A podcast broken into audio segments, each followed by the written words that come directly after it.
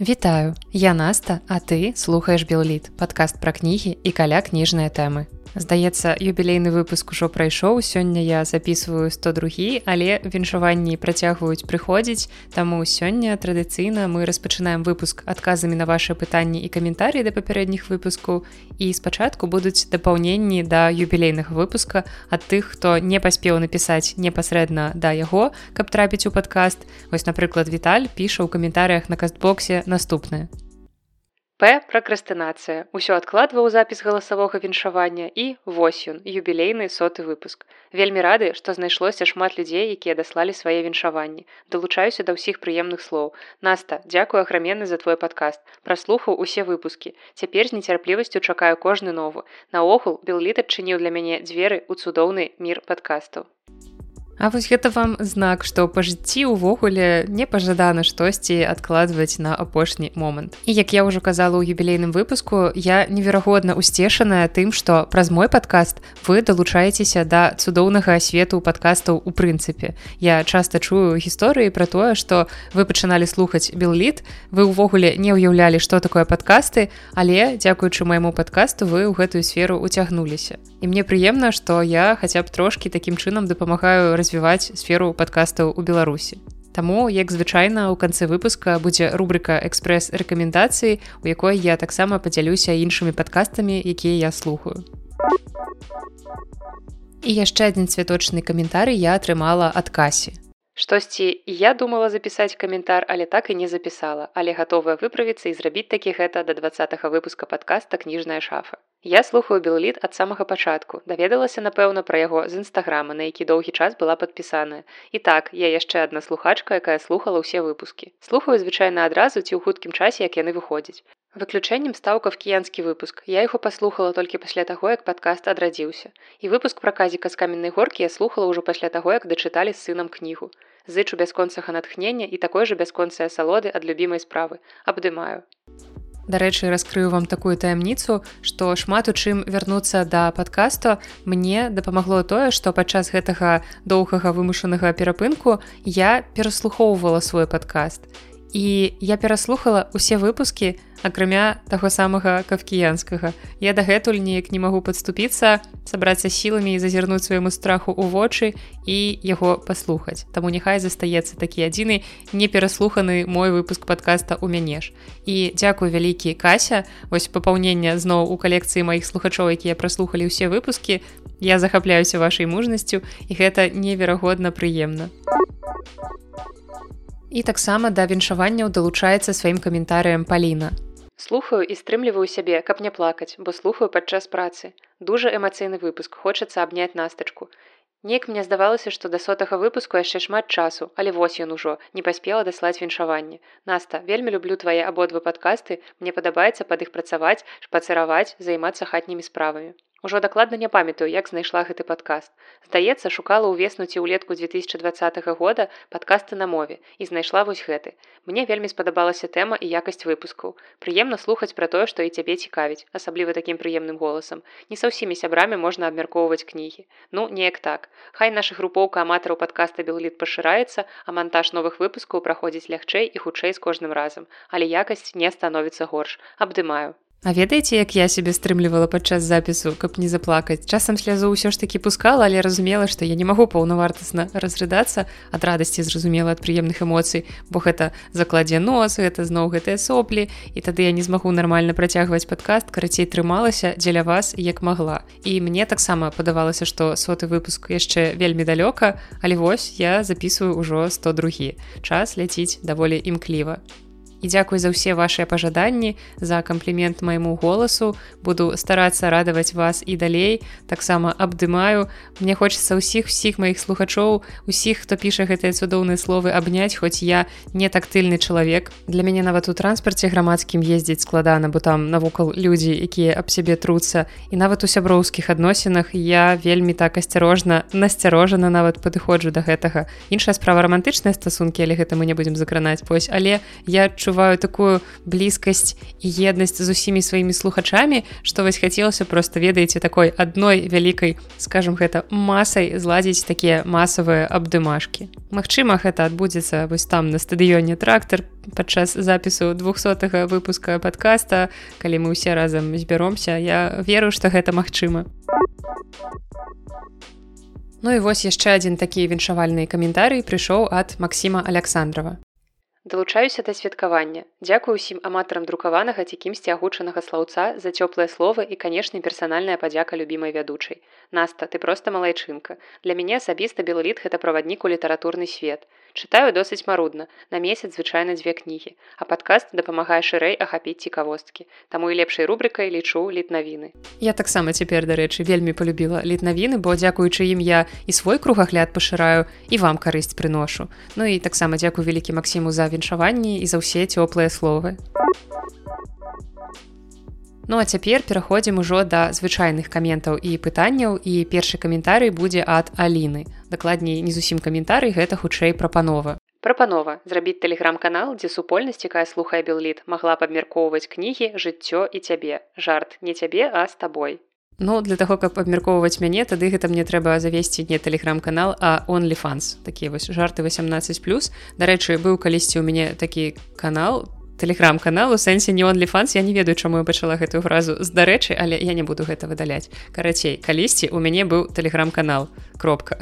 Такі нервовы смешок калі я згадваю гэты канал але ведаеце тэлеграм-каналы ў беларусі у наш час гэта штука вельмі небяспечная. Нават калі табе здаецца што ты просто займайся культурай ты ж нічога такога не робіш як бы паводле твайго меркавання Таму пакуль што без канала, але абяцаю, што ў найбліжэйшы час мне будзе чым вас парадаваць. Проста сачыце за маімі абвесткамі.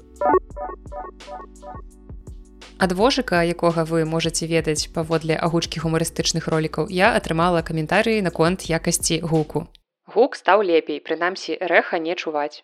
І тут я магу сказаць, што гэта не столькі зрабіла новая тэхніка, колькі хутчэй змена майго месца дыслакацыі, Таму што многія выпускі падкаста сёлета былі запісаны ў Будапешце на даволі вялікай кухні са столлю ў 4 метры. Так што рэха было не пазбегнуць. Хіба што сядзець пад якой-небудзь коўдрай, накрывацца, але разумееце, калі на вуліцы плюс 37 дома прыкладна такая ж тэмпература ну ладно трошки ніжэй, вельмі цяжка трымацца пад коўдрай. Ну апошнія выпускі я записывала ў памяшканнях з даволі адэкватнай вышынёй столі, таму і рэха знікла. Але ўсё ж такі змяншаць вартасці тэхнікі я не буду. Я сама заўважаю нейкія пазітыўныя змены якасці ў лепшы бок.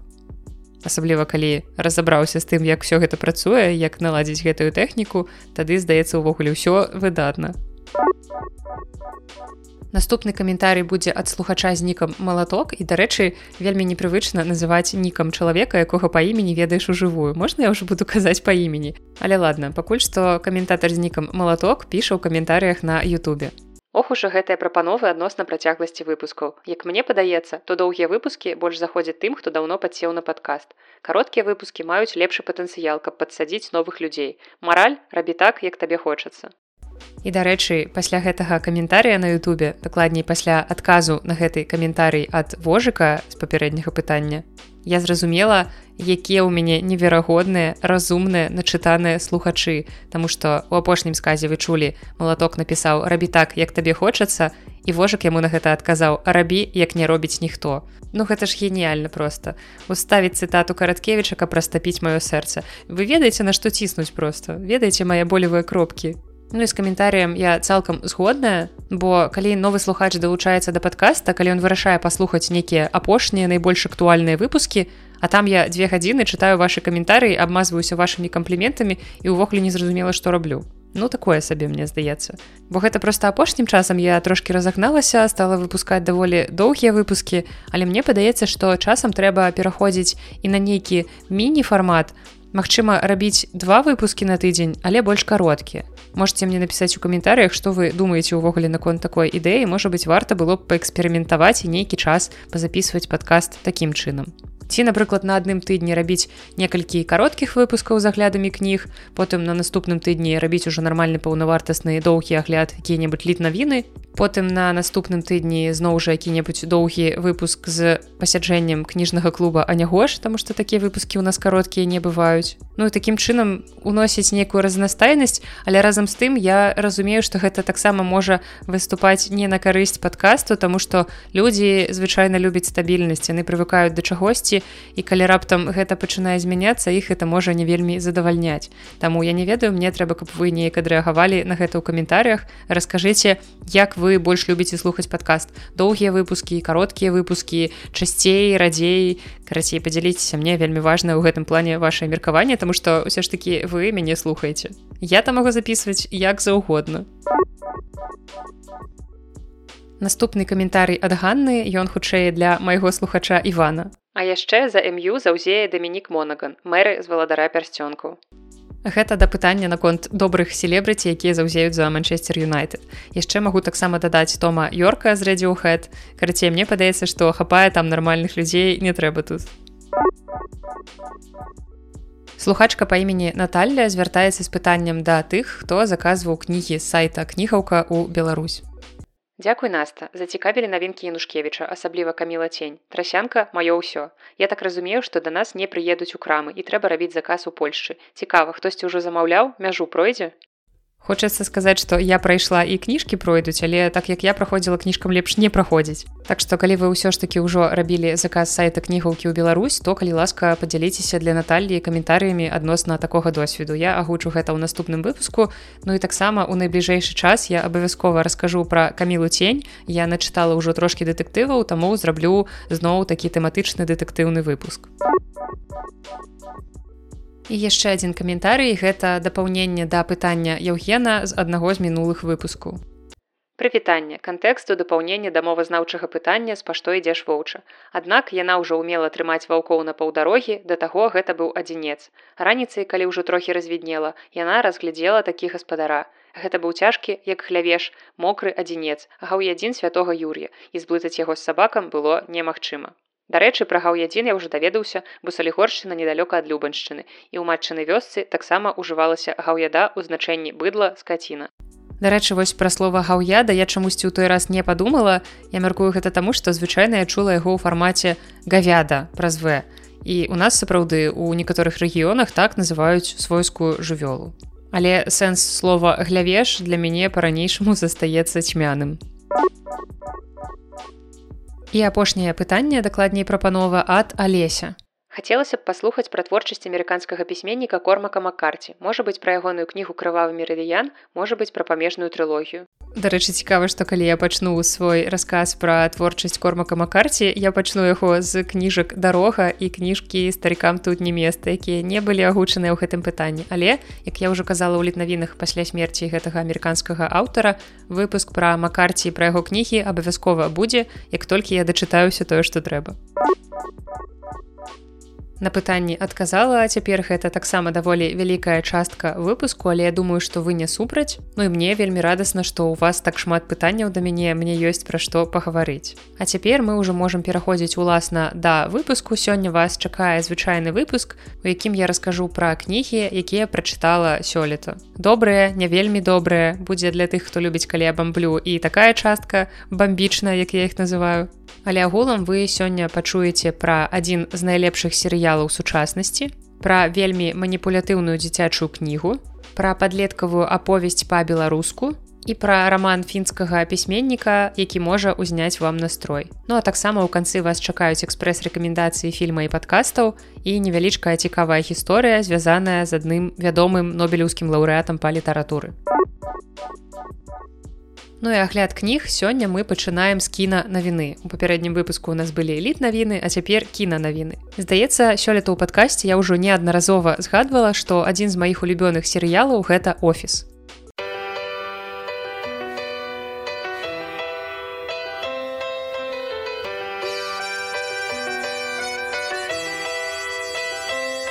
Менавіта амерыканская версія офіса брытанскую я не бачыла ніводнай серыі шчыра кажучы не вельмі хачу глядзець. І ў канцы верасня зусім нядаўна мы даведаліся што плануецца перазапуск гэтага культавага серыяла пазітыўная частка навіны ў тым што распрацоўкай займаецца акурат шоуранер амерыканскай версіі гэта грэг Дэниелс і дэталі будучага проекта пакуль невядомая але многія зоркі амерыканскай версіі серыяла паведамілі што гатовыя вярнуцца ў праект. Ну таму што для многіх з іх офіс стаў такім квітком у жыццё. І яшчэ ў лютым 22 года Дэниелс намякаў на вяртанне ў шоу аднак афіцыйнага пацвярджэння тады не было але цяпер ёсць і ў мяне неверагодна шмат пытанняў да гэтага перазапуску, бо я глядзела офіс цалкам некалькі разоў.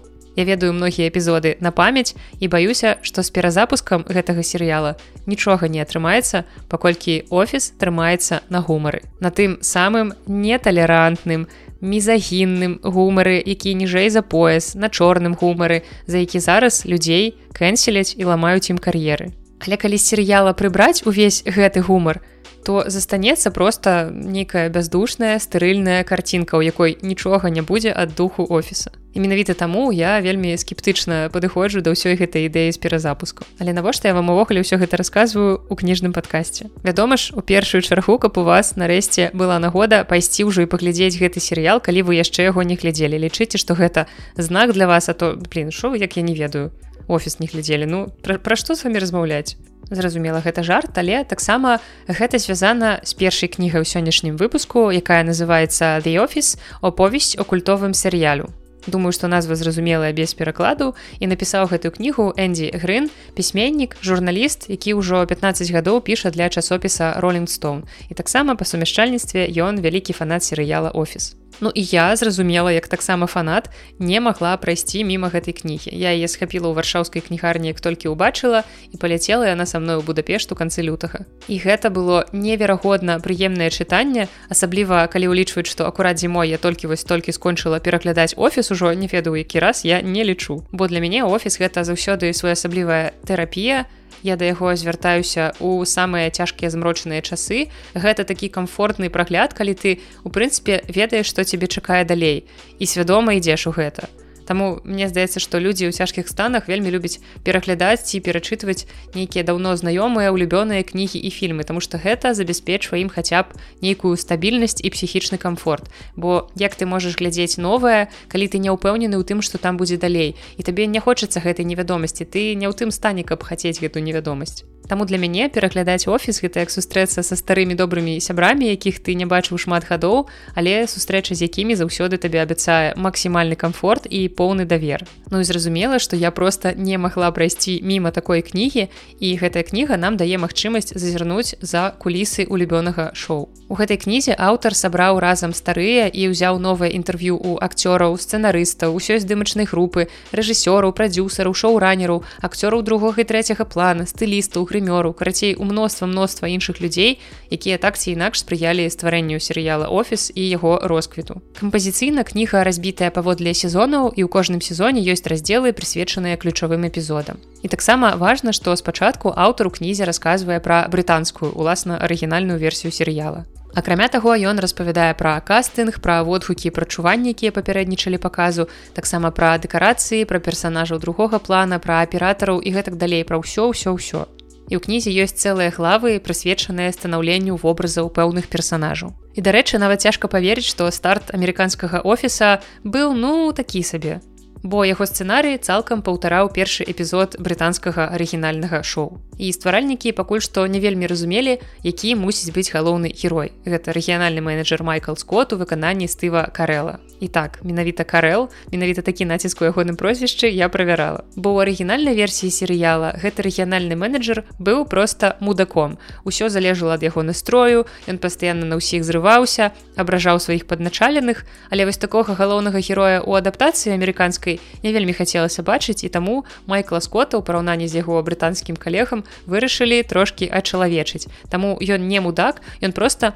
чалавек з такім вельмі спецыфічным характарам і не менш спецыфічным пачуццём гумару. То бок ён любіць сваіх падначаленых але просто часам ягоныя паводзіны такія даволі на мяжы. Ну і ўвогуле пасля гэтай кнігі моя любоў да стыва карэла просто ўзрасла да нябёсу бо раней гэта была такая любоў да яго вялікага камедыйнага таленту. Але падчас чытання кнігі я зразумела што ён таксама яшчэ і цудоўны чалавек паколькі ўсе калегі адгукаліся наконт яго выключна цёплымі пазітыўнымі словамі. І дарэчы я ўсё збіраюся паглядзець з апошніх з ім фільм beautiful бой дзе ў галоўнай ролі стыў карел і тимати шаламе там бацька спрабуе выратаваць сына ад нарказалежнасці. Вось будзе нагода ў мяне зірнуць на карэла не толькі ў камедыйнай але і ў драматычнай ролі. І на гэты фільм я даўно звяртала увагу але апошнім часам просто паўсюль форсіцца аднайменная кніга паводле якой быў узняты гэты фільм. І кнігу напісаў дэвід шеф і гэта аўтабіяграфічны твор якім ён расказвае гісторыю уласнай сям'і про тое як ён дапамагаў свайму сыну пазбавіцца ад нарказалежнасці. Так што калі-небудзь пагляджу так як гэта таксама экранізацыя будзе нагода вам у экспрэс-рэкамендацыях калі мне гэты фільм спадабаецца штосьці сёе-тое пра яго расказаць Ну і таксама такі цікавы факт пра стыва карэла што калі ён пакідаў офіс ён падарыў усім па гадзінніку ролекс Я не веду навошта але ну такі цікавы прыгожы шырокі жэст. Ну і увогуле ў гэтай кнізе вельмі шмат цікавых фактаў. Напрыклад я даведалася пра імкненне стваральнікаў серыяла да рэалістычнасці. На здымках касцюмеры і візажысты адчувалі сябе вельмі няёмка, таму што яны звычайна прывыкаюць да таго, што раз у некалькі хвілінам трэба падыходзіць да акцёраў, трэба паправіць макіяж, неяк разгладзіць каўнер кашулі, штосьці яшчэ паправіць таму адзенні, але тут іх літаральна выганялі з пляцоўкі. У акцёраў былі свае люстэркі, свае пудры ў скрынях працоўных сталоў. І калі яны хацелі паправіць адзенне, ім трэба было гэта рабіць самім, таму што рэжысёры былі ўпэўненыя. Усё мусіць быць натуральна і героі не заўсёды павінны выглядаць дагледжана бо яны знаходзяцца ўсё ж такі ў офісе но пагадзіцеся што ў офісе мы не заўсёды выглядаем як супермадэлі людзі ў прынцыпе рэдка выглядаюць як супермадэлі калі яны не супермадэлі але тут для дадання такой дадатковай рэалістычнасці ўсё было зроблена каб людзі верылі ў тое што яны сапраўды глядзяць на жыццё супрацоўнікаў офіса яшчэ адзін цікавы факт ён акурат на актуальную тэму у 2007 годзе у галівудзе прайшла забастоўка сцэнарыстаў Яна была менш доўгая, чым апошняя, якая толькі-толькі скончылася, але лічбы там усё роўна ўражвалі, яна працягвалася 99 дзён. І ў тым ліку гэтая забастоўка закранула і офіс. На той момант яны здымалі чацвёрты сезон і на момант забастоўкі было гатова ўжо 12 выпускаў, але сцэнарысты, як і некаторыя акцёры далучыліся да забастоўкі. І ў нейкі момант камандзе паведамілі, што серыял праз гэта яны будуць вымушаныя закрыць. І тады Грэг Дэніелс, шоуранер офіса, зрабіў выдатны ўчынак, ён асабіста выпісаў усім чэкі па 1000 ці 2000 даляраў. І яшчэ многія акцёры скінуліся, каб сцэнарысты офіса атрымалі заслужаныя грошы. І вось менавіта дзякуючы такой сяброўскай атмасферы падтрымкі, якая была ў здымачнай групе, серыял змог пратрымацца ў гэты даволі няпросты перыяд. Ну і ўвогуле я магу бясконца працягваць вам дзеліцца цікавымі фактамі, які ў прынцыпе для вас бессэнсоўны, калі вы не глядзелі серыял. Але ў кнізе вельмі шмат усяго і аўтар капнуў настолькі глыбока што чытаючы кнігу ты просто ўспамінаеш тыя ці іншыя эпізоды ты нібыта зноў іх пераглядаеш і зноў перажываеш усе тыя ж эмоцыі як у першы раз Дарэчы таксама ці ведалі вы што пэм і Анжела серыяла якія там не вельмі добра камунікуюць мякка кажучы у жыцці насамрэч найлепшыя сяброўкі і вядуць падкаст офіс ледзіс і таксама яны сумесна напісалі кнігу. Вось такім чынам серыял паўплываў і на лёсы людзей якія мелі дачыненне да яго стварэння. І таксама не магу не адзначыць што паўплываў ён і на лёсы простых гледачоў І ведаеце, я магу гаварыць пра гэтую кнігу даволі доўга. Яна даволі аб'ёмная, там ёсць пра што пагаварыць і пра сам серыял увогуле я магу гаварыць бясконца. Але чаго вартыя мае словы, калі вы можете проста ўзяць і ўбачыць усё самі. Калі вы глядзелі серыял і любіце яго, то тады чытайце кнігу. Можна ў арыгінале я чытала, напрыклад, польскі пераклад, таксама летась выходзіў пераклад на рускую мову. Але калі вы не глядзелі серыял, я просто вам раю даць яму шанец. Я вельмі спадзяюся, што вы не пашкадуеце і ў свеце стане на аднаго фаната офіса больш. Ну і тады мне я спадзяюся ўсё радзей давядзецца тлумачыць, што гэта за мужик на маёй майцы з надпісам no God please no no God please no! No! No Здаецца, у нас даўнавата не было дрэнных кніг. А то я вам все рассказываю пра добрыя кнігі пра вартыя ўвагі кнігі вось колькі часу я хваліла папярэднюю кнігу Але цяпер для разнастайнасці і кантрасту будзе абурэнне з нагоды прачытання адной дзіцячай кнігі. Праўда, чытала я яе даўнавата, але расказаць рукі дайшлі толькі цяпер. Хаця чаму я заўсёды кажу рукі дайшлі, калі язык насамрэч дайшоў. Але рукі дайшлі ўключыць гэтую кнігу ў сцэнарый сённяшняга выпуска, бо гэта я рабіла руками пісала сцэнарый. Кніга называется слопі хочет абнімацца і напісаў яе Шон Джулиан. І гэта зусім невялічкая кніга на 26 сторонак.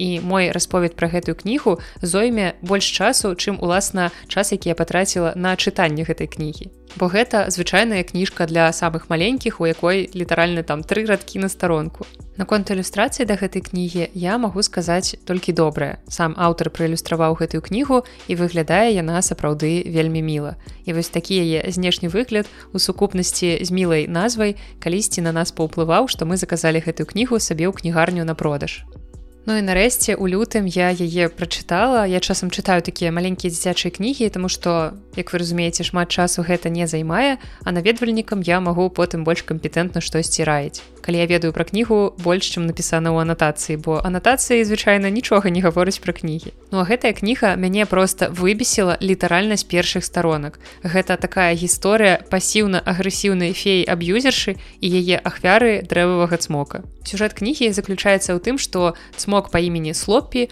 просто просіць фею расінку яго абняць вось твор літаральна пачынаецца гэтай сцэнай у нас пакуль што няма перад гісторыяй персанажаў. Мы не ведаем у якіх яны адносінах наколькі блізкія гэтыя персонажы і вось на такую здавалася даволі простую просьбу фея адказвае адмовай. Калі цмок спрабуе высветліць у чым жа прычына то фея адказвае што ён і сам ведае гэтую прычыну. Смог працягвае дапытвацца бо ён сапраўды не разумее што здарылася але фея робіць выгляд што ўсё он ведае толькі прыкідваецца. І далей слопе пачынае прыносіць феі падарункі каб неяк яе парадаваць і папрасіць прабачэння хаця он сам не разумее за што І ў адказ на гэта фея дэманстратыўна пачынае абдымацца з кожным сустрэчным. То яна труса абдыме, то жабу, то яшчэ каго карацей праз яе праходзіць проста ўсе насельнікі лесу. І ў адказ на абурэнні пярэчанні слопі фея кажа, што абдымаецца з усімі акрамя яго. Я нагадаю, што мы па-ранейшаму не ведаем, якое такое дрэннае зло зрабіў цмок ці як ён увогуле мог пакрыўдзіць расінку. Слопі сыходзіць пакрыўджаны такім непаразуменнем, а далей здараецца сітуацыя, у якой ён ратуе птушаня, якое выпала з гнязда. Ён яго кладзе назад і мы тут ужо апусцім той факт, што нельга кранаць птушаня, якое выпала, яго трэба пакінуць на тым жа месцы. Але гэта ўсё ж таки ладно. дзіцячая кніга тут і цмокі размаўляюць, таму не будзем прыдзірацца да фактаў. Але расінка бачыць гэтую сцэну выратавання і яе сэрца пачынае раставаць. Яна кажа, што цяпер ужо слопі заслужыў абдымкі. І ў канцы яны шчаслівыя абдымаюцца і вы можете падумаць что тут усё заслона хэппі-энд усе задаволеныя але у канцы падчас абдымкаў расчулены слопі аблізвае фею расінку і вось тут на апошняй старонцы у апошняй гэтай сцэне да нас даходзіць чаму расінка не любіць абдымацца са слопі Ну я разумею не ўсім падабаецца калі іх аблізваюць але што гэта былі за эмацыянальныя маніпуляцыі на працягу усяго твора расінкі паводле сюжэту які выклалі нам чытачам не было ніводнай прычыны не абдымаць слопе затое абдымацца з усімі астатнімі насельнікамі лесу. Яна проста вырашыла паказаць свой характар. І толькі на апошняй старонцы мы атрымліваем адказ і то гэта адказ не такі відавочны. Сюжэт, у якім фея расінка адмаўляецца абдымаць смока слопе па прычыне, якая не тлумачыцца да канца кнігі, мне падаецца, не можа не збянтэжыць дзяцей, бо што гэтай кнігай аўтар хацеў сказаць дзецям пасля яе дзеці пачнуць думаць што любоў і нейкае прыязнае стаўленне людзей да цябе гэта тое што трэба заслужыць. І самае сумнае што калі мы ўсё ж таки даведаліся прычыну такіх паводзін расінкі нам па-ранейшаму нічога не тлумачыцца. Я мяркую што тут была б такая добрая магчымасць патлумачыць дзецям тое як важна размаўляць як важна выказваць у голас тое што цябе не задавальняе і тут можна было б расказаць як гэта зрабіць акуратна каб нікога не пакрыўдзіць. Калі раптам твой сябар мае нейкую асаблівасць паводзін якая табе не падабаецца атрымаецца вось тут выдатнае месца каб патлумачыць як можна штосьці сказаць не пакрыўдзіўшы іншага. Але не мы будзем дэманстратыўна крыўдзіцца без прычыны і нічога не тлумачыць фея проста магла ў пачатку нармальна ўсё патлумачыць цмоку але не тады паўтар не змог стварыць праблему на пустым месцы і раздзьмуць сюжэт з нічога. І такім чынам фея выглядае не як чалавек які адстойвае свае асабістыя межы а просто як нейкая злосная жучка як хуліганка якая выставляе на паказ свае неадэкватныя паводзіны. Бо нармальны чалавек адразу патлумачыў у чым праблема а не пачынаў бы дэманстратыўна абдымацца з усімі навокал. Магчыма вы скажаце што я надта сур'ёзна ўспрымаю дзіцячую кнігу але як мне яшчэ ставіцца да тых кніг якія дзеці чытаюць у самым чулым узросце калі яны ўсмоктваюць усё як губка. І добрае і дрэннае. І ў гэтай кнізе я бачу выключна негатыўныя пасылы. Ну і да таго ж вы любіце калі ў мяне бомбіць ад кніг. Вось калі ласка такі выпадак. Два з 5 нікому не раю вам гэтую дрэнную і нават я магу назваць яе шкоднай кнігу Магчыма, яна задумвалася як смешная, нібыта мы ў канцы ўсе такія зробім ха-ха, дык ён аблізваецца, а ну все ясна, тады яна маладзец адстойвала свае межы, але мне было ніфіга не смешна. Таму што я выступаю за тое, каб людзі размаўлялі і словамі праз рот, як кажа моя любімая сяброўка Наста, выказвалі ўсё тое, што іх не задавальняе, а не цярпелі гэта бясконцу. І тым больш, каб вось такіх не адбывалася сітуацыі, калі ты проста не можаш словамі патлумачыць чалавеку, што цябе не задавальняе і чалавек вымушаны гуляць у экстрасэнсу. Не будьце як фея расінка, шчыра размаўляйце з людзьмі. такая моя вам парада на сёння, парады, якія мы заслужылі. Фух, ну і каб выдыхнуць, трэба зноў расказаць вам пра штосьці добрае. Давайте раскажу вам пра яшчэ адну кніжку з карцінкамі, толькі гэтым разам кніжка будзе зусім не дзіцячая. Бо нядаўна я нарэшце пачала чытаць серыю коміксаў, з якой даўно хацела пазнаёміцца. Пакуль што прачытала толькі першую частку і гэта посткіберпанк комікс, які называецца трансметраполіту. Яго напісалі і намалявалі Уоррен Эліс, Дерек Робертсон і родні Рамас. І комікс выходзіў у верціго, гэта імпрынт DC комікс і выходзіў ён з 1997 па 2002 год. Ужо атрымліваецца 20 гадоў прайшло нават больш. І ўсяго выйшла 60 выпускаў.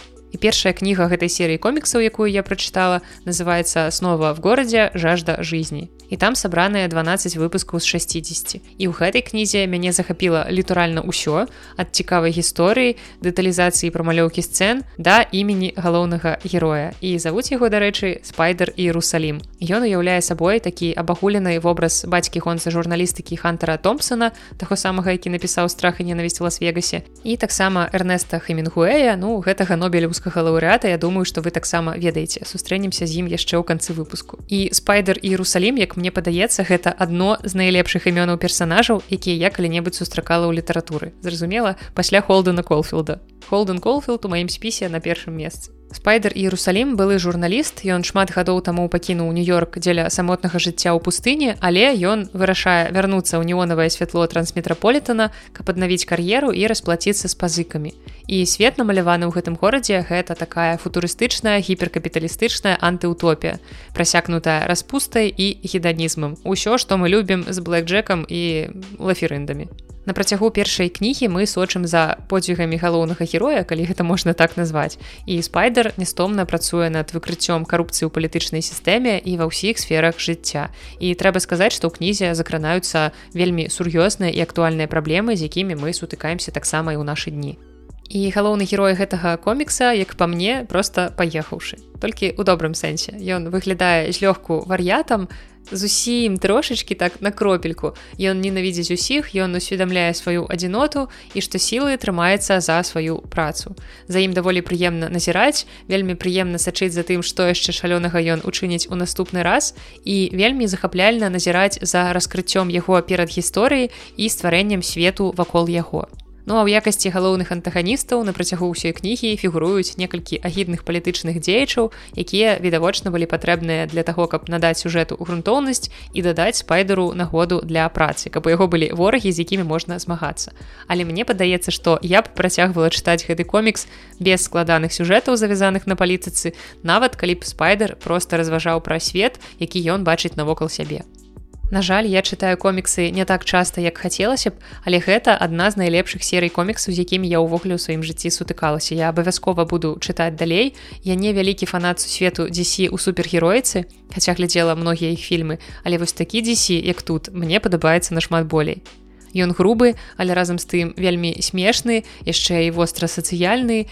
І вось такога дакладна вы не сустрэнеце ў сучасных фільмах накшталт аквамена, але не для таго такія фільмы здымаюць, так што не будзем прыдзірацца. І магчыма, напісанне трансметраполітана было б немагчымым у наш час, зноў жа уздымаючы нашу ранейшую тэму адносна перазапіску серыяла офіс. Я думаю, што многія геніяльныя рэчы мінулага немагчымыя ў наш час праз усю гэтую новую талерантнасць, што ўсе навокал на ўсіх крыўдзіцца за любое лішняе слова. Ну і мне падаецца, што калі вы цікавіцеся коміксамі, то мусілі чуць пра гэтую серыю і калі вам быў патрэбен знак, каб яе пачаць, ну толькі спачатку паглядзець калі ласка серыял офіс, а потым ужо можете чытаць і трансметраполітан. Ну а я звярнуся да новых кніг, каб даведацца, якія прыгоды яшчэ чакаюць спайдера і Русаліма і з якой плямай на целе трансметраполітана ён будзе змагацца ў наступных выпусках. Ну а цяпер вяртаемся да дзіцячай літаратуры для сярэдняга і старэйшага школьнага ўзросту і цяпер пагаворым пра кнігу Александры Хамянок італьянская падарожжа, якая выйшла ў 2019 годзе ў выдавецтве народная асвета. У арыгінале кніга была напісаная на рускай мове на беларускую яе пераклала паліна грынчынка і калі вы мой патрон на патрыоне то ўжо можете паслухаць амаль гадзінны чытацкі дзённік паводле гэтай кнігі Я чытала яе і адразу дзялілася нейкімі думкамі, якія ўсплывалі ў галаве падчас чытання. Так што далучайцеся да патрыона, каб таксама мець штомесяц яшчэ больш выпускаў падкаста Белліт. Ну і таксама калі вы ўжо патрон на патрыоне, то там у каментарыях вы можете напісаць, якую кнігу вы хочаце бачыць у чытацкім дзённіку наступнай. Ну а тут у звычайным выпуску для ўсіх слухачоў я раскажу пра гэтую кнігу больш сцісла. Кніга пачынаецца тым, што 11гадовая каця даведваецца што яе маці памерла. І тут адразу трэба дадаць што бацька ў гэтым творы ў прынцыпе не згадваецца. Таму па сутнасці пасля смерці маці каця становіцца сіратой. І яе бяруць на выхаванне яе дзядзька і цётка якія па ўзросце недалёка сышлі ад яе таму што мы чытаем у кнізе што яе цётцы усяго толькі на 10 гадоў больш то бок 21 год. Ну і паколькі яе новыя апекуны яшчэ і самі недалёка адышлі ад узросту падлетка Не тое, каб яны ўжо надта добра займаліся гэтай дзяўчынкай. Зразумела, што яна адчувае адзіноту ёй ніхто нічога не тлумачыць пасля смерці маці з ёй ніхто не размаўляе на гэтую тэму яе не записываюць да якога-небудзь псіхолага што было б важна зрабіць у такой сітуацыі. Ну і перыядычна дзядзька і цётка скідваюць яе на бабулю. Ну і такім чынам жыве і развіваецца гэтая дзяўчынка і аднойчы ёй здараецца такая магчымасць трапіць у італію па праграме для дзяцей сірот Я ведаю што ў нас ёсць такія праграмы для сіроты таксама для дзяцей з чарнобыльскага рэгіёну калі можна з'ездзіць у італію і пажыць там пэўны пэўны час у сям'і. І вось так наша каця трапляе ў італьянскую сям'ю і тое, што яна спачатку спадзявалася будзе неверагодна захапляльным падарожжам, якое дапаможа ёй трохі развеяцца, праветрыць думкі, насамрэч для яе становіцца даволі цяжкім выпрабаваннем, бо тут адразу трэба адзначыць, што італьянскай мовай каця не валодае. І тая сям'я, у якую яна трапляе, не валодае ніводнай з моваў, якія ведае каця і такім чынам ім даволі складана паразумецца. Яны пачынаюць вучыць сваю асаблівую мову жэстаў і ў прынцыпе з нейкімі базавымі патрэбамі дзяўчынкі гэтая сям'я можа справіцца. Але акрамя гэтых базавых патрэбаў у яе ёсць яшчэ больш глыбокія ўнутраныя праблемы якія не могуць вырашыць людзі якія яе не разумеюць Ну і каця літаральна застаецца адна ў гэтым доме. Перыядычна яна бачыцца з іншымі дзяўчынкамі якія жывуць недалёка якія таксама выправіліся ў італію па гэтай праграме. Але ў любым выпадку гэтага недастаткова для каці. У яе няма ніякага перакладчыка і толькі размоўнік яна атрымлівае там ужо пад самы канец знаходжання ў італіі. І агулам я стаўлю плюс аўтарцы за тое, што яна не пабаялася ўзняць такую сур'ёзную тэму. Бо мэтава аўдыторыя гэтай кнігі ў прынцыпе даволі малая, калі мы ўсё ж такі прымем той факт што бацькі вельмі неахвотна выбіраюць для сваіх дзяцей кнігі у якіх гаворыцца пра нейкія сур'ёзныя праблемы уздымаюцца нейкія цяжкія пытанні калі хтосьці памірае тым больш я гэта дакладна ведаю са свайго досведу працы ў кнігарні на працягу ўжо сямі гадоў Я ўжо неаднаразова пра гэта вам казала ў падкастах і таму вы разумееце, што кніга, у якой на першых старонках памірае ў дзяўчынкі мама, наўрад ці выключа цікавасць у бацькоў, якія выхоўваюць сваіх дзяцей у звычайнай поўнай сям'і. Бо нібыта навошта ім пра такое чытаць. Каб расстройвацца толькі, ну не, мы будзем хутчэй засцерагаць сваіх дзяцей ад рэальнага жыцця, няхай яны жывуць у выдуманым свеце з ружовымі поні, адзінарогамі і гэтак далей. Бо ў нашым свеце ніхто не памірае. Але ў цэлым гэтая кніга напісаная даволі простай мовай. Яна вельмі лёгка чытаецца у аўтаркі ці можна нават хутчэй тут звярнуць увагу на перакладчыцу, бо тэкст перакладзены сапраўды добра. Так я сустрэла літаральна пару памылак, але гэта таксама не пытанне да аўтаркі ці перакладчыцы, гэта ўжо пытанне да людзей наступных, якія апошнія мелі справу з гэтай кнігай, напрыклад карэктары, якіх у кнізе ажно тры між іншым. Але тут для вас раптоўная моўная хвілінка. Не стамлюся тлумачыць людзям, як правільна пішацца слова, якое мае на ўвазе палову года. Яно пішацца паўгода, а не паўгады. Таму што паўгады, як я ўжо казала, таксама не стамлюся прывозіць гэты прыклад паўгады з націскам на А гэта палова нейкага гада, паўгады але калі мы маем на увазе год то у нас атрымліваецца паўгода год не змяняецца. Так як і была там літара о так яна там і застаецца. Так што калі ласка запомніце паўгода а не паўгады. Ну але гэтую кнігу я не магу занесці ў спіс сваіх улюбёных беларускіх кніг для дзяцей падлеткаў. І таксама я б не стала ўсім запар раіць гэтую кнігу. І не толькі праз тое што ў яе такая даволі складаная тэма. Не насамрэч калі у дзіцёнка ёсць праблемы з гэтым ёсць пэўныя сітуацыі якія здарыліся ў ягоным жыцці то гэтая кніга кніга акурат можа стаць падтрымкай паказаць што усе праходзяць праз гэтыя сітуацыі по-рознаму але ў прынцыпе збольшага людзі звычайна ў такіх выпадках сябе адчуваюць вельмі адзінокімі. Ім падаецца што ніхто іх не разумее што ўсё адбываецца менавіта таму што яны гэтага заслужылі. Як гэтая дзяўчынка ў творы ўвесь час думае што гэта яна вінаватая што з ёй гэта здарылася што маці памерла менавіта пад... таму што яна вінаватая. Але чаму у чым яе віна канкрэтна ніхто канешне ж не задумваецца. Яна ўжо так рацыянальна не пачынае мысліць бо гэта эмацыянальны стан. Тут не месца для рацыяналізму Ну і такім чынам гэта кніга сапраўды можа стаць падтрымкай. Але для звычайных дзяцей я не бачу тут такога ўжо захапляльнага сюжэту. Ну дзяўчынка трапіла ў італію. Ну яна там збольшага сядзіць дома і сумуе што ёй холодна што яе ніхто не разумее часам яна выбіраецца там кудысьці на прыроду у парк. На море яны там адзін раз ездзілі сустракаецца часам са сваімі гэтымі сяброўкамі ну не назовем гэта сяброўкамі знаёмымі таксама якія па праграме там адпачываюць. Адзін раз спрабуе збегчы ну і ў цэлым у прынцыпе праводзіць час абсалютна неяк бязмэтна тут таксама мы яе не можемм абвінавачваць бо мы разумеем эмацыянальны стан гэтай дзяўчынкі. Але агулам тут няма нейкага такога захапляльнага сюжэту. Ну і плюс часам думкі гэтай дзяўчынкі мне падаваліся зусім не падобнымі да думак 11гадовай дзяўчыны. Я вам тут нават зачытаю той же ўрывак які я зачытвала сваім патронам адразу калі я прачытала яго літаральна на 16 старонцы. Я сустрэла наступныя думкі галоўнай гераіне Я аддзерла скотч выкінула старызну. Няхай свішча з усіх дзірак. Бывае разнасцежу акно і прагна дыхаю марозам смогам нянавісцю. Душуся крыўдамі. Звешваю ўніз галаву плюю і плачу. Рассыпаю валасы і надзеі і ніяк ну ніяк не магу змірыцца. Альбо лезу ў фортку як на эшафот. Дыхаю часта і хрыпла Ведаеце, я не так часта маю камунікацыю з 11гадовымі сучаснымі дзецьмі. Ну і дарэчы, таксама я не ведаю, які час адбываюцца падзеі ў гэтым творы, бо тут дзяўчынка, калі бачыць у італьянскай сям'і камп'ютар, кажа, што ў першы раз бачыць вось такую жывую камп'ютар. Таму гэта хутчэй за ўсё нейкі пачатак двухтысячных. Ну і мне цяжка сказаць, ці могуць насамрэч дзеці ў 11 гадоў вось так настолькі прыгожа метафарычна мысліць. Так гэты тэкст напісаны вельмі прыгожа, але ці адпавядае ён узросту дзіцячаму 11 гадоў. З гэтым у мяне ўзнік ўзніклі пытанні. Але можа гэта я проста прымітыўна мыслю і вельмі дрэннага меркавання пра сучасных падлеткаў. Але я маю таксама падлетка побач са мной, яму 14 гадоў, яго завуць арцёмы і мы маем з ім пэўныя сваяцкія сувязі ад мой малодшы брат. І я яшчэ трохі памятаю, які ён быў у 11 гадоў, якім былі дзеці з яго акружэння і ўсё роўна па-ранейшаму мяне застаецца шмат пытанняў да тэксту кнігі. Агулам я магу назваць гэты твор нядрэнным, Прынамсі можна яго параіць дзецям для узбагачэння слоўнікавага запасу. Тут няма нейкай такой складанай лексікі, але тэкст даволі просты, чытаецца вельмі лёгка. І прынамсі тут бацькі могуць быць упэўненыя, што іх дзеці не нахапаюцца ніякіх дрэнных слоў, калі не ўлічваць памылкі ў слове паўгода. І там яшчэ здаецца былі нейкія памылкі, я ўжо не памятаю. Таксама згадвала гэта ў выпуску для патронаў.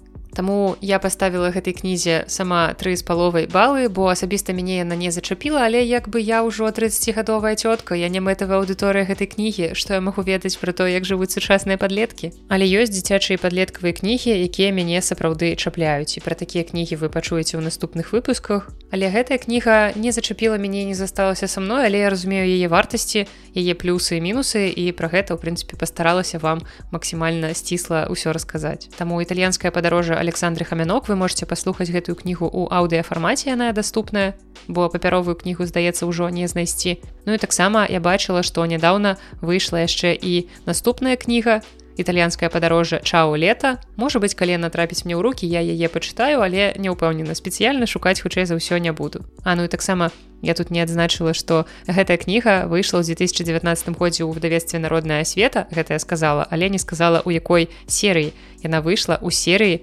заснаванай спецыяльна для дзяцей і падлеткаў якая называется тусоўка бай 2019 год.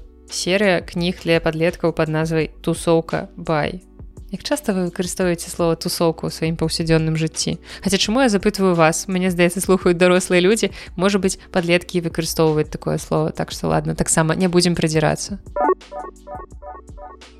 Ну а цяпер пераходзім да рубрыкі вартыя згадкі, у якой я больш сцісла дзялюся з вами аглядамі на некаторыя нядрэнныя кнігі. Сёння караценька дзялюся водгукам на адзін неблагі раман. Называется ён сын бога грома і фінскі пісьменнік арта паселіна напісаў яго ў 1984 годзе. Про гэтага пісьменніка вы ад мяне ўжо чулі ў падкасці некалькі разоў бо ў 39 выпуску быў агляд на яго кнігу ачаравательное самоубийство в кругу друзей і ў 48 выпуску я рассказывала про яго кнігу тысячи чарцей пастара хусканіна і гэтага аўтара я магу назваць спонсорам майго добрага настрою.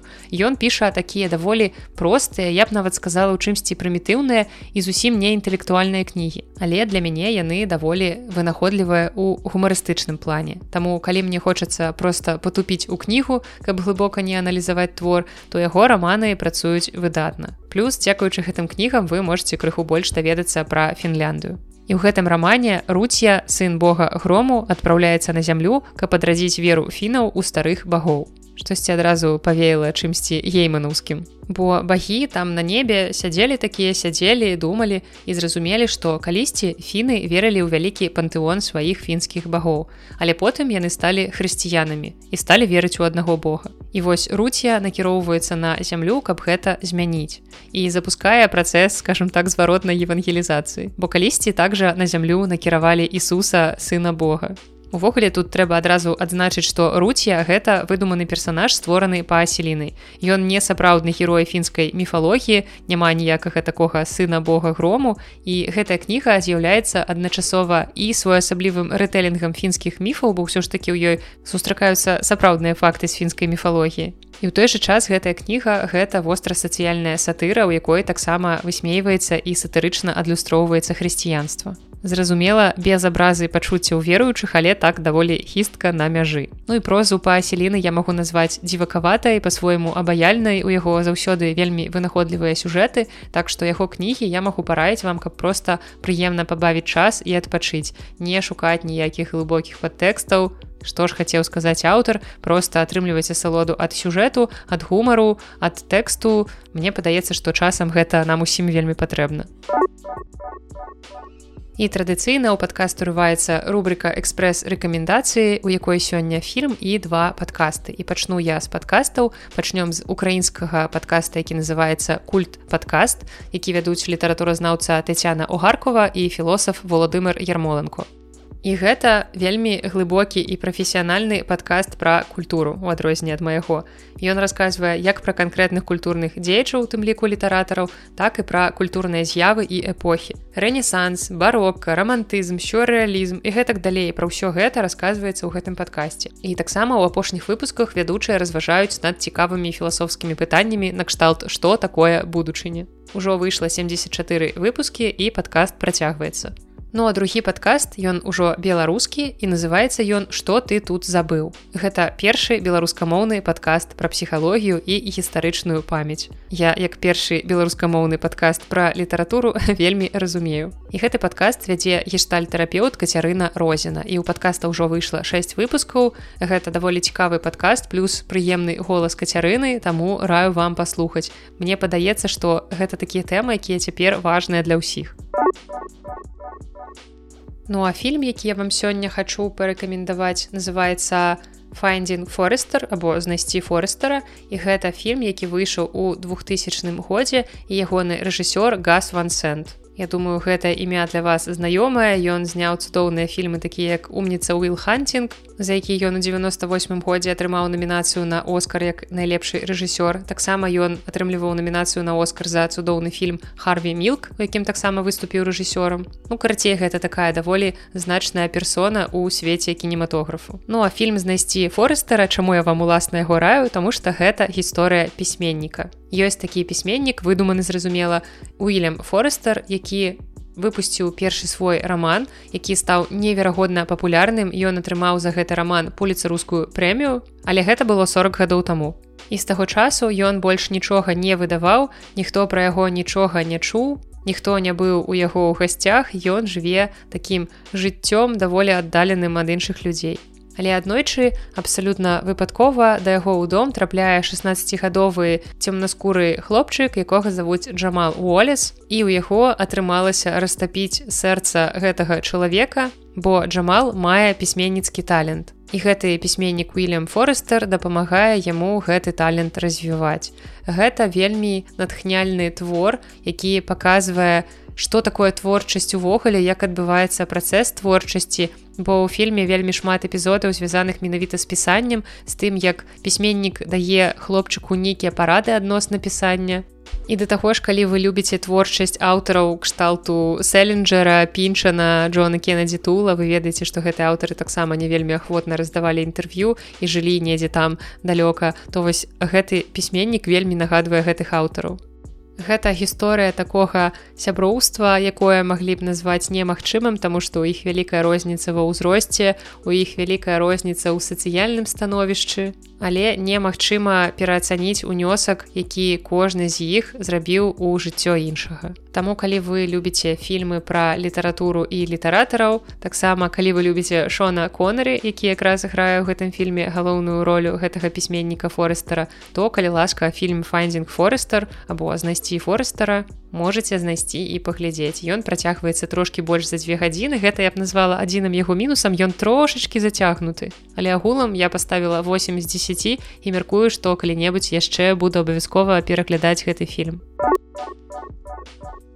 Ну а ў канцы сённяшняга выпуску вас чакае гісторыя аднаго вялікага літаратурнага фэйка. Вы ведаеце, як часта людзям знакамітым прыпісваюць тыя фразы, якія яны ніколі не казалі. Не толькі знакамітым людзям таксама гэты эфект мандэлы, калі нам здаецца, што ў жыцці было штосьці, чаго насамрэч не было. То бок калі ў нейкай групы людзей адначасова ўзнікаюць нейкія ўспаміны, якія супярэчаць рэальным фактам. Так вельмі часта многія з нас абсалютна ўпэўненыя ў тым, што чулі тую ці іншую фразу з фільма ці серыяла, і яна ходзіць у масавай культуры менавіта ў пэўнай форме, а потым аказваецца, што ў фільме яна гучала зусім інакш. Магу прывесці самыя класічныя банальныя прыклады для ілюстрацыі гэтага. Возьмем зорныя войны і класічную фразу, як усе думаюць класічную люк your father. Рэч у тым, што не было там часткі люку пачатку у фільме насамрэч гаворыцца no I am your father. No, I am your father. Ну ці фраза, якая прыпісваецца ельцыну я устал я ухожу, які насамрэч такога не казаў. Сегодня мне важно вам это сказать. Я ухожу.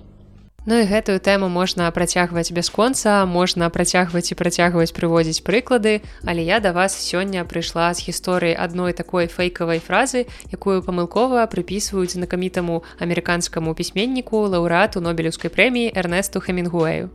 І не, гэта не фраза пра продаж няношаных дзіцячых баціначак, хаця яна таксама прыпісваецца хемінгуэю і насамрэч ён гэтага не пісаў. Сёння мы пагаворым пра іншую фразу, якая гучыць так пішы п'яным рэдагуй цвярозым. Гэтая фраза памылкова прыпісваецца Эрнесту Хемінгуэю, нібыта пісьменнік даў менавіта такую параду, калі яго спыталі, якім чынам трэба працаваць над тэкстам. Зразумела, чаму яму прыпісваецца гэтая фраза Эрнест Хемінгуэй адзін з самых знакамітых алкаголікаў гісторыі сусветнай літаратуры. Але нягледзячы на сваю любоў да алкаголю, Эрнест Хемінгуэй ніколі падобнай фразы не казаў. І нават унучка знакамітага пісьменніка згадвала, што калі Хаменгуэй быў п'яны, ён ніколі не пісаў і ніколі нічога падобнага не казаў. І гэту фразу хутчэй за ўсё прыпісваюць Хемінгуэю людзі, каб рамантызаваць любоў пісьменнікаў да алкаголю. Што маўляў, людзі пачынаюць неяк рамантызаваць вось гэты вобраз жыцця яе дзеда, спрабуючы знайсці апраўданне ўласнаму алкагалізму. Маўляў, калі іх абвінавачваюць у тым, што яны шмат п'юць, яны могуць звяртаць увагу на хемінгуэ і казаць што ну нічого это яму не перашкодзіла стаць нобелеўскім лаўрэатам але хто ж тады сказаў гэтую фразу калі не хамінгуэ не магла ж яна проста ўзнікнуць з ніадкуль і насамрэч хутчэй за ўсё гэтыя словы сказаў амерыканскі пісьменнік Пітер де урыс Ён напісаў роман Рубен Рубен, які быў апублікаваны ў 1964 годзе і там ёсць галоўны герой, які вядомы сваімі эксцэнтрычнымі паводзінамі. І гэты галоўны герой кажа штосьці накшталт. Часам я пішу п'яны і перачытваю напісаныя цвярозы. А часам я пішу цвярозы і пераглядаю напісанае п'яным. Таму магчыма, хутчэй за ўсё гэтая фраза гэта акурат пераробленая цытата з гэтага твора. Ну і каб дакладна упэўніцца што хемінгуэй не пісаў гэтых слоў і ўвогуле ён ніколі не пісаў п'яны можна звярнуцца да слоў унука пісьменніка Джона патрика хемінгуэя які казаў што дзед заўсёды следаваў рэжыму. Ён кожны дзень пісаў з 5 до 10 раніцы. І пакуль ён не заканчваў свае штодзённыя справы ён не пачынаў ужываць алкаголь. Таму ягоны унук упэўнены што такую фразу ягоны дзед ніколі не казаў. Фраза зразумела цікавая даволі смешная але разам з тым сапраўды можа лічыцца шкоднай. Таму не будзем рамантызаваць любоў пісьменнікаў да алкаголю многіх з іх да добра гэта не давяло Ну і мы з вами як аматары беларускай літаратуры ведаем што беларуская літаратура алкагалізм таксама паняцці якія даволі блізка паміж сабой знаходзяцца і гэта таксама не самая прыемная тэма Ну і раз ужо пачала вам трошки расказваць пра хамінгуэ і пра ягоны алкагалізм магу яшчэ таксама згадаць ён сапраўды шмат піў і знаёмыя згадвалі як шмат розных разнастайных алкагольных напояў ён ужываў і калі ў яго запытвалі чаму ён п'е ён казаў што п'е каб людзі навокал станавіліся больш цікавымі. Вядома гэта гучыць даволі смешна але я мяркую што ўсё ж такі гэта не адлюстроўвае рэчаіснасць. Ну і таксама ён казаў што мужчына не мужчына пакуль ён не п'яны.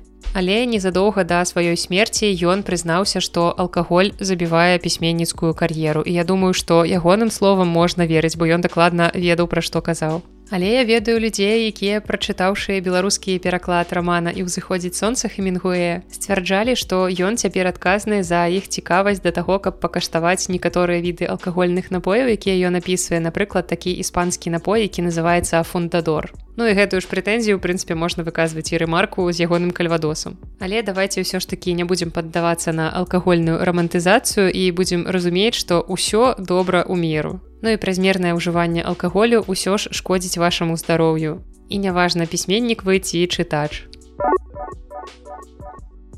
І на сёння ў гэтым выпуску ўсё нагадаю, што вы можете дзяліцца сваімі каментарыямі, пытаннямі, заўвагамі, прапановамі. Вы можете іх пакідаць або у каментарыях на кастбоксе ці на Ютубе або на SoundCloud. Гэта тыя месцы, дзе я дакладна убачу і прачытаю ваш каментарый. Або таксама вы можете пісаць мне на электронную пошту беллітпост сабака gmail.com або пакідаць свае каментары ў Google формах. Спасылкі будуць у апісанні да выпуску.